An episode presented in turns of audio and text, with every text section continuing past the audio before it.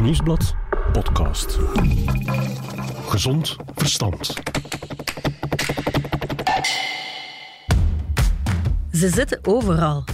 In plastic verpakkingen, shampoo, kinderspeelgoed, kledij, tapijten en meubelen en zelfs voeding. Ze komen ook geregeld in de media, want ze zouden aan de basis liggen van veel gezondheidsproblemen. Denk aan verminderde vruchtbaarheid, autisme, obesitas en verschillende kankers. Klinkt niet echt gezellig, hè? Ik heb het over hormoonverstoorders. Onzichtbare, maar gevaarlijke stoffen die onze hormoonhuishouding volledig in de war sturen. En toch weten we er zo weinig over. Wel, daar gaan we nu iets aan doen. Ik ben Kaatje de Koning. Welkom bij Gezond Verstand, een podcast van het Nieuwsblad.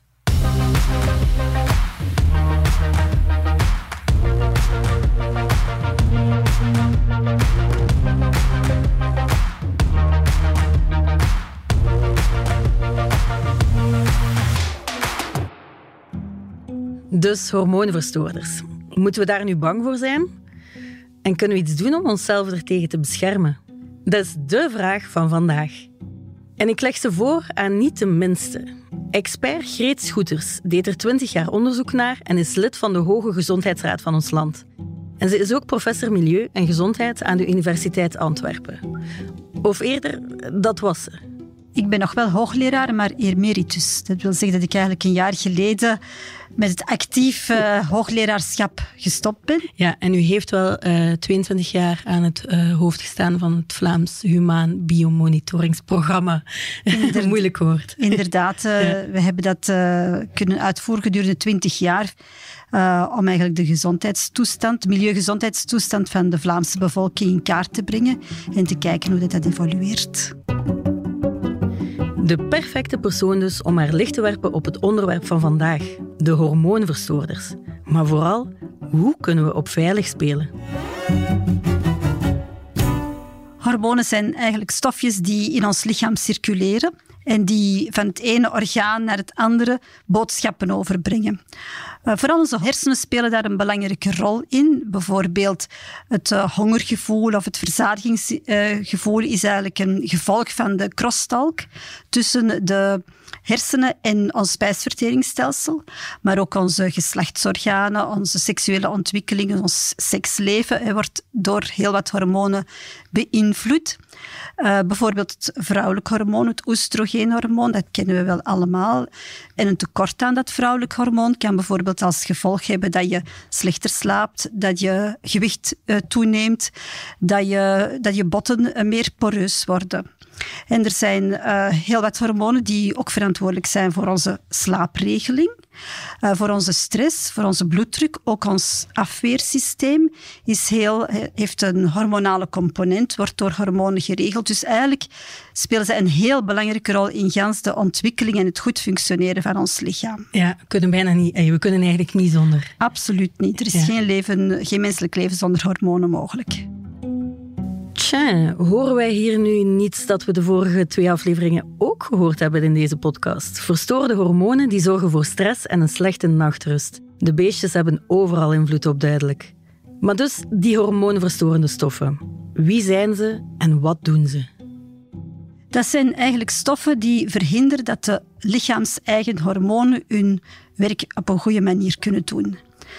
En dat komt eigenlijk doordat ze in plaats van de lichaams-eigen hormonen uh, binden met de weefsels en met de cellen waar de normale lichaams-eigen hormonen gaan uh, mee binden. Daardoor activeren ze soms weefsels op een ongepaste manier. Ze kunnen ook bijvoorbeeld binden op transporteiwitten, zodat die niet meer kunnen getransporteerd worden.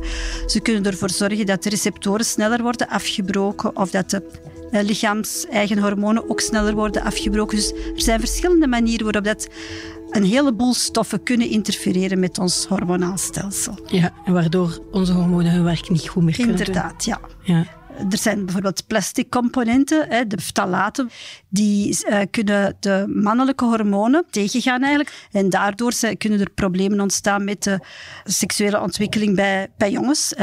Uh, zeker wanneer de blootstelling gebeurt voor de geboorte bijvoorbeeld.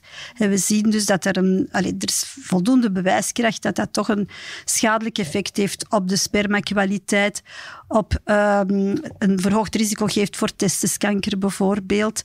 Het slecht teelbalkanker is Ja, ja, ja. Uh, het slecht indalen van de teelballen uh, na de geboorte bij jongetjes uh, wordt eigenlijk voor een deel toegeschreven aan de aanwezigheid van die weekmakers, die plastic componenten in omgeving. Oké.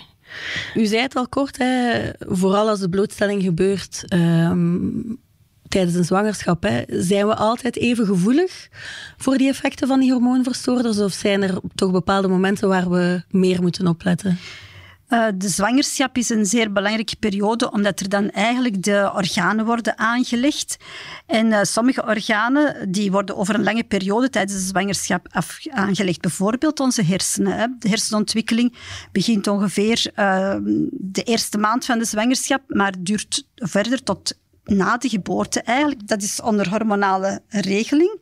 En als er dan blootstelling zijn aan hormoonverstoorders, kan dat vooral een effect hebben. Ook ons afweersysteem is eigenlijk ook zoiets dat heel lange ontwikkelingstijd uh, nodig heeft. Maar ook de aanleg van de voortplantingsorganen, hè, dat is ook een hele lange periode tijdens de zwangerschap dat dat gebeurt. En ook tijdens de puberteitsontwikkeling. Hè.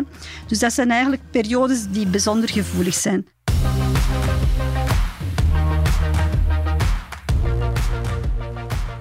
Dus de meeste stoffen komen gemakkelijk van de moeder in de foetus. En hun eigen uh, fysiologie kan nog niet zo goed met die lichaamsvreemde stoffen omgaan. Ja. Ze nog niet zo gemakkelijk afbreken. Ze absorberen ook meer door hun uh, lucht, uh, luchtwegen en door hun, hun darmstelsel. En daardoor krijgen ze een ho relatief hogere blootstelling.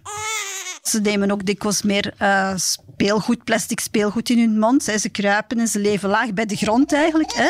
Op die manier krijgen ze ook meer stof binnen. En ja, dat zijn eigenlijk allemaal manieren waarop kleine kindjes bijkomend kunnen blootgesteld worden. We weten nu wat die hormoonverstoorders doen in ons lijf. Maar de vraag is natuurlijk, hoe kunnen we er onszelf tegen beschermen?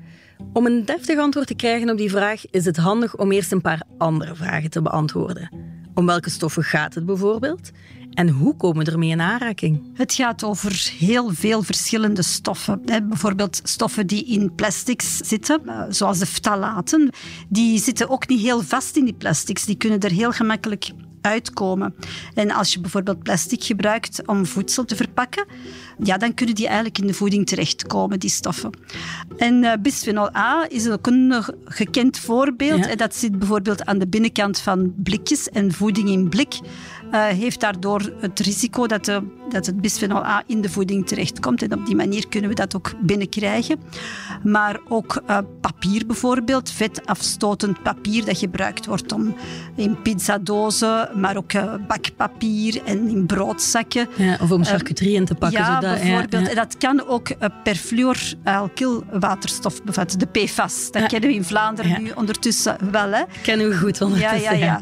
Dus dat type van stoffen wordt daar ook voor gebruikt. Dus dat is, ja, op die manier kan het in de voeding terechtkomen. Ja, komt wel heel dichtbij op die manier. Ja, ja en niet alleen voeding, hè, maar bijvoorbeeld ook ons meubilair, uh, tapijten, gordijnen. Daar worden vlamvertragers gebruikt om die niet te gemakkelijk vuur te laten vatten.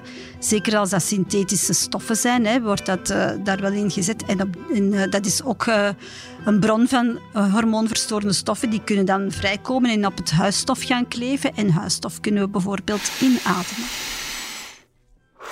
dan zijn er ook nog uh, verzorgingsproducten en cosmetica. Dat is ook dikwijls een bron van hormoonverstorende stoffen. Bijvoorbeeld parabenen. Die uh, zorgen ervoor dat, die, dat de producten langer goed blijven. Maar dat, men vindt ook ftalaten en, en PFAS-moleculen terug in cosmetica en verzorgingsproducten die gebruiken we hè, soms dagelijks. En, ja, op die manier we dan ook nog rechtstreeks op onze huid. Kan dat via de huid. Uh, en het is ook zo dat we, als, dat we dat experimenteel gezien hebben als mensen bepaalde verzorgingsproducten gebruiken, dat je dan een paar uur later in hun urinestalen die afbraakproducten van die endocrines, van de hormoonverstorende stoffen kan meten. Dus het komt wel degelijk in je lichaam binnen hebben we daar eigenlijk een idee van? Um, ik vermoed dat die lijst zo wat oneindig is, maar, maar, hoe lang die lijst is van die, van die chemische stoffen die, die onze hormonen in de war kunnen sturen? Uh, wel, men uh, spreekt van enkele honderden stoffen. Uh, het hangt er een beetje af van wie de lijst opstelt. er is nogal wat discussie over wanneer wordt een stof nu een, een hormoonverstorende stof genoemd? Hè? Is dat voldoende om aan te tonen dat ze bijvoorbeeld via uh, celkweken in, in vitro bindt bij een aantal receptoren, dat je dat kan bekijken? In vitro is echt in zo'n proefschaaltje. In zo'n proefschaaltje, ja. ja, in het laboratorium. Of moet je eigenlijk echt aantonen in proefdieren, als je proefdieren uh, die hormoonverstoorders toedient, uh, of dat die dan eigenlijk schadelijke effecten ontwikkelen. Anderen willen dat je dat ook in de menselijke populatie kunt observeren. Dus daar is nogal hè, van wanneer zijn we zeker genoeg. En zeker, uh, er zijn verschillende lobbygroepen die daar uh, hun idee over hebben. Ja. En dat niet altijd dezelfde is. Dus daarom verschilt die lijst een beetje. Het is alleen zo dat om het echt helemaal aan te tonen hè, in proefdieren en in de mens, dat dat heel lang duurt. Hè, en dat dan eigenlijk, en men moet dat pas eigenlijk aantonen vanaf het moment dat er meer dan één ton van die producten per jaar uh, op de markt gebracht worden. Eén ton, dat is duizend kilo. Ik persoonlijk vind dat een hoge bovengrens. Nochtans zijn die hormoonverstoorde stoffen niks nieuws. Maar hoe zijn we er eigenlijk opgekomen? In academische kringen is daar eigenlijk heel veel, zijn er heel veel gegevens over. En eigenlijk komen die gegevens onder andere uit signalen die we uit de natuur konden uh, gekregen hebben. Bijvoorbeeld in de ja, jaren 70 van vorige eeuw, 60, 70 van vorige eeuw, was, is er eigenlijk heel wat evidentie verzameld dat bijvoorbeeld roofvogels problemen hadden met uh, de voortplanting. De ijsschalen van de, de, hun eieren waren te dun en de jongeren kwamen er niet meer uit. En dat heeft men heel duidelijk kunnen linken aan de aanwezigheid van bijvoorbeeld PCB's en DDT in die roofvogels. Dus de, de roofvogels was een belangrijk signaal, maar ook de vissen er werd in die periode ook gezien dat uh, vissen uh, mannelijk genetisch waren, maar eigenlijk vrouwelijke kenmerken hadden. En dat heeft men ook heel duidelijk kunnen toewijzen aan een aantal hormoonverstorende verbindingen. Nu, dat zijn oude producten die, die eigenlijk nu dankzij die gegevens verboden zijn geworden, maar die dus nog altijd circuleren in onze leefomgeving en die wij nog allemaal ook in ons lichaam aanwezig hebben. Dus als wij gaan meten, zien wij nog altijd dergelijke restanten van die producten in ons lichaam.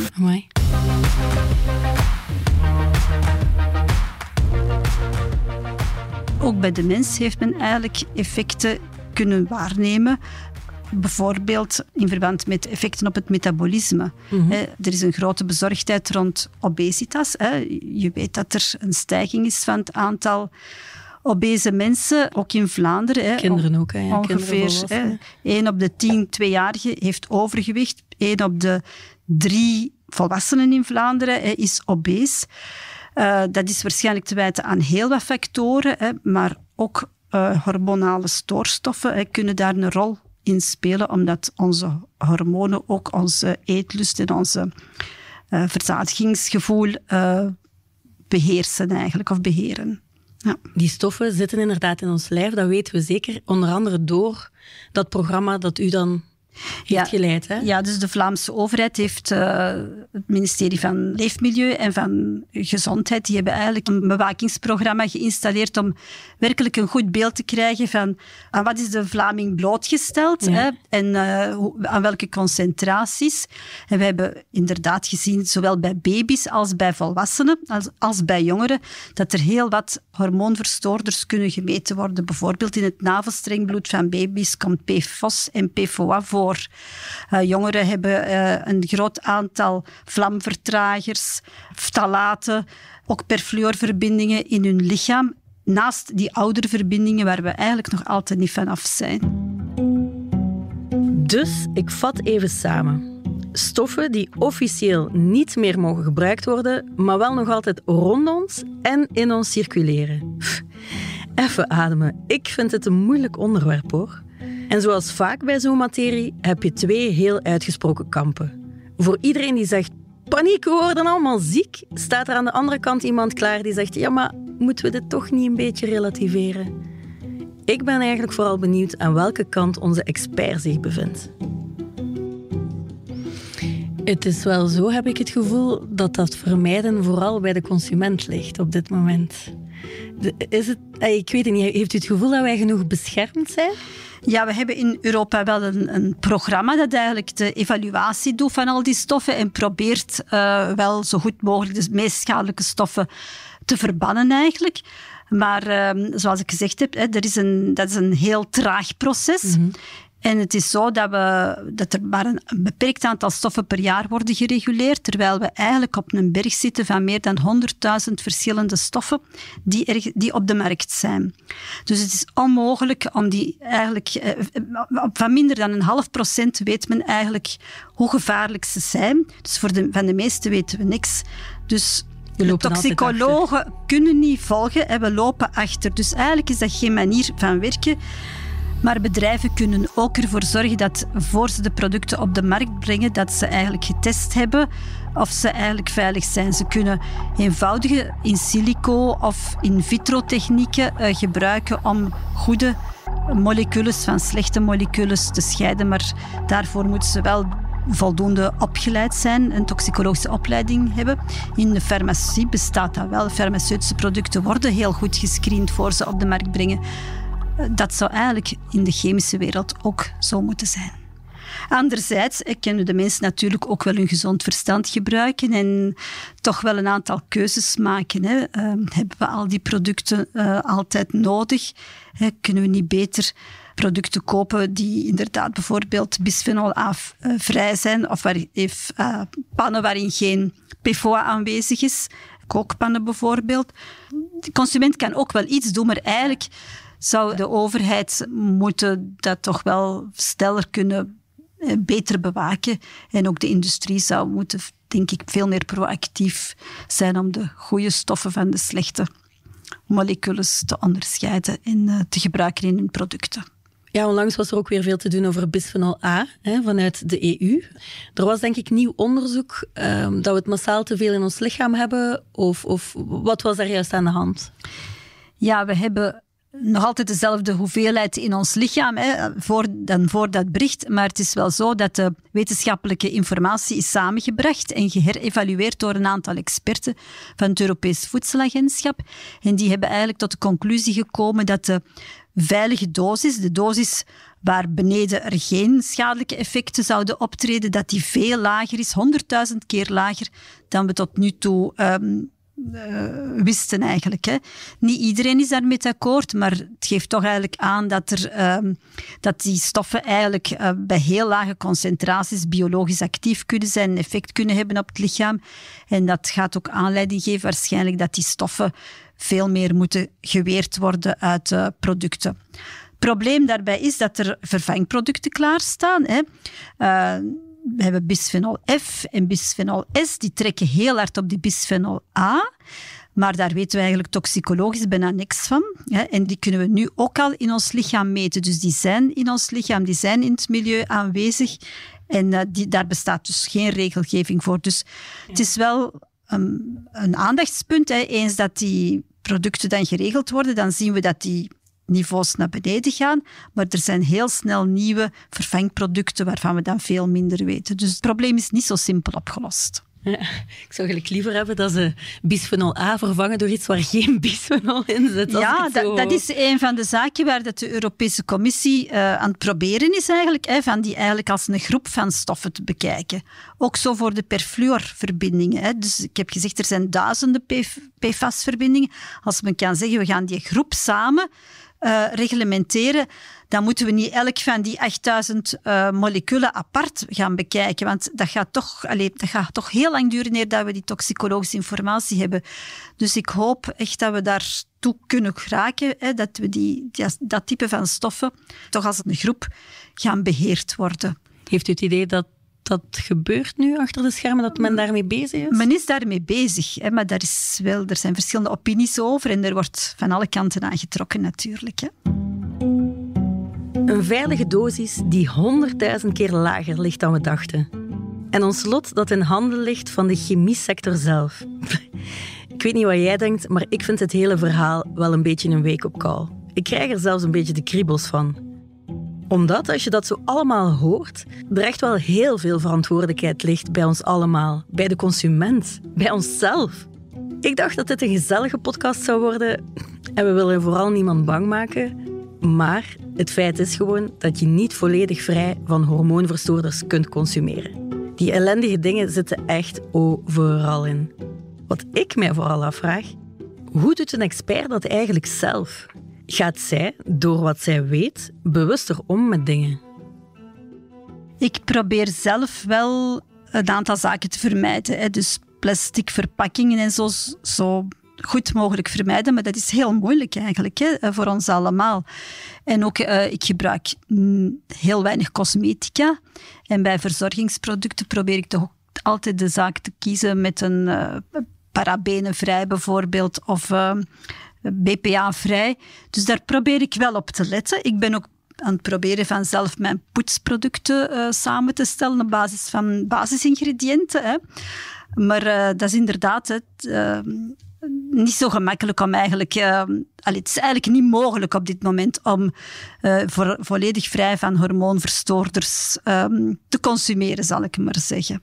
Ja. anderzijds leven we in een risicovolle wereld en de vraag is ook welke risico's aanvaarden we. Maar ik weet wel in verband met hormoonverstoorders dat er eigenlijk mogelijkheden zijn om dus de blootstelling te verminderen. En dat is zowel werk voor de overheden als voor de bedrijven, als ook voor de consument. En voor ons allemaal. Hormoonverstoorders dus. Een term die misschien stilaan een alarmbelletje doet afgaan bij de meeste mensen, maar waar we eigenlijk nog steeds te weinig van weten. Maar omdat fout geïnformeerd zijn misschien nog erger is dan niet geïnformeerd zijn, leg ik Greet Scooters enkele feiten en fabels voor. Welke beweringen zijn waar en welke niet? Wie een plastic fles een portable poison cancer superspreader noemt, dat is een paniekzaaier. Het is nogal cru gezegd, denk ik, door die organisaties, maar er zit wel een grond van waarheid in. Het, is niet de bedoeling, kan niet de bedoeling zijn van echt moeders ongerust te maken, maar wel van te sensibiliseren. Hè. En het, is wel, het zijn eigenlijk de consumenten die voor een stuk ook de overheden en de industrie moeten onder druk zetten hè, om te eisen dat ze inderdaad veilige producten krijgen. Dus ik denk dat uh, sensibilisering heel belangrijk is. Paniekzaaierij natuurlijk niet. Maar soms is de, het evenwicht soms wel zoek. Dat is een feit. Hoe meer chemische stoffen in je lijf, hoe minder succesvolle zwangerschappen het is wel zo dat inderdaad die zwangerschap een heel gevoelige periode is. Dus het is goed dat men daarop focust, denk ik, hè, als uh, consumentenorganisatie. Maar natuurlijk, zoals bij tal van ziektes en afwijkingen, hè, de meeste van die zaken zijn multifactorieel. En uh, hormoonverstorende stoffen kunnen een van die risicofactoren zijn. Dus het is nooit zo dat uh, ziektes en hormoonverstoorders uh, één op één met elkaar in verband staan. Dus men moet dat wel in een bredere context zijn, zien, maar dat ze eigenlijk een bijdrage kunnen geven aan die problematieken lijkt wel heel duidelijk. De dosissen van die stoffen waar we aan worden blootgesteld zijn zo laag dat we ons geen zorgen moeten maken. Dat is voor heel wat stoffen het geval, maar voor hormoonverstorende stoffen ligt dat misschien een beetje anders, omdat het niet noodzakelijk zo is dat als de bij, hoogste dat bij de hoogste dosis de grootste effecten worden uh, gezien. En vaak zijn er eigenlijk uh, zijn de stoffen meest actief bij bepaalde, bepaalde dosranges. En dat is niet noodzakelijk de hoogste dosis. Dat maakt eigenlijk de interpretatie van de studies natuurlijk ook wel moeilijk. Zolang ik niet met mijn vork in de anti-aanbaklaag van mijn pan kras, kan ik die veilig blijven gebruiken. Met een vork de anti-aanbaklaag beschadigen zou ik zeker niet doen, hè, want dan kunnen er stukjes vrijkomen en dan kan dat in de voeding terechtkomen. Dus dat moet je absoluut vermijden. Maar het is denk ik veel beter om zulke pannen niet meer aan te schaffen. Er zijn voldoende alternatieven. PFOA-vrije pannen hè, zijn op de markt en kunnen, men zou beter dus dat type van pannen aanschaffen als men nieuwe pannen moet kopen. Poeh, dat was pittig. Even ademen. En dan gaan we het proberen samen te vatten. Behapbaar maken. Aan de hand van vijf tips waar je meteen mee aan de slag kan als je wil. Ja, ik denk dat vooral voor uh, moeders met kleine kinderen en zwangere moeders heel belangrijk is van bijvoorbeeld als ze verzorgingsproducten kiezen, dat ze toch wel kijken dat er bijvoorbeeld een, een ecolabel uh, aanwezig is. Dat erop staat bijvoorbeeld vrij van ftalaten of vrij van parabenen. Maar ook bijvoorbeeld het huis voldoende verluchten en ook poetsen met, met nat is een uh, goede zaak om het stof te verminderen. Ah ja, het stof dat we dan... stof waarop van die hormoonverstoorders kunnen zitten. En ook zo weinig mogelijk uh, voedsel dat in uh, plastic verpakt is. En ook geen plastic schaaltjes opwarmen in de microgolfoven. Dat zijn zaken die je eigenlijk wel vrij gemakkelijk kan vermijden. Misschien ook meer um, natuurlijke stoffen zoals wol en, en um, katoen gebruiken in plaats van synthetische stoffen. Als Want daar zit het ook in, in, onze kleren. Ja, Zeker en vast, ja. ja. Mm -hmm. En als je dat niet kan, helpt het om kledij te wassen voor je ze aandoet? Dat lees ik soms. Dat kan je inderdaad ook wel doen, ja. Zeker en vast, ja. Mm -hmm. Dankjewel, ik vond het heel interessant. Um, het was iets waar ik zelf heel weinig over wist. Ik ben heel blij dat mijn, uh, de nieuwe drinkbus die ik gekocht heb BPA-vrij is na dit gesprek. En hopelijk ook BPF en BPS-vrij. Ik ga het eens checken. Zijn de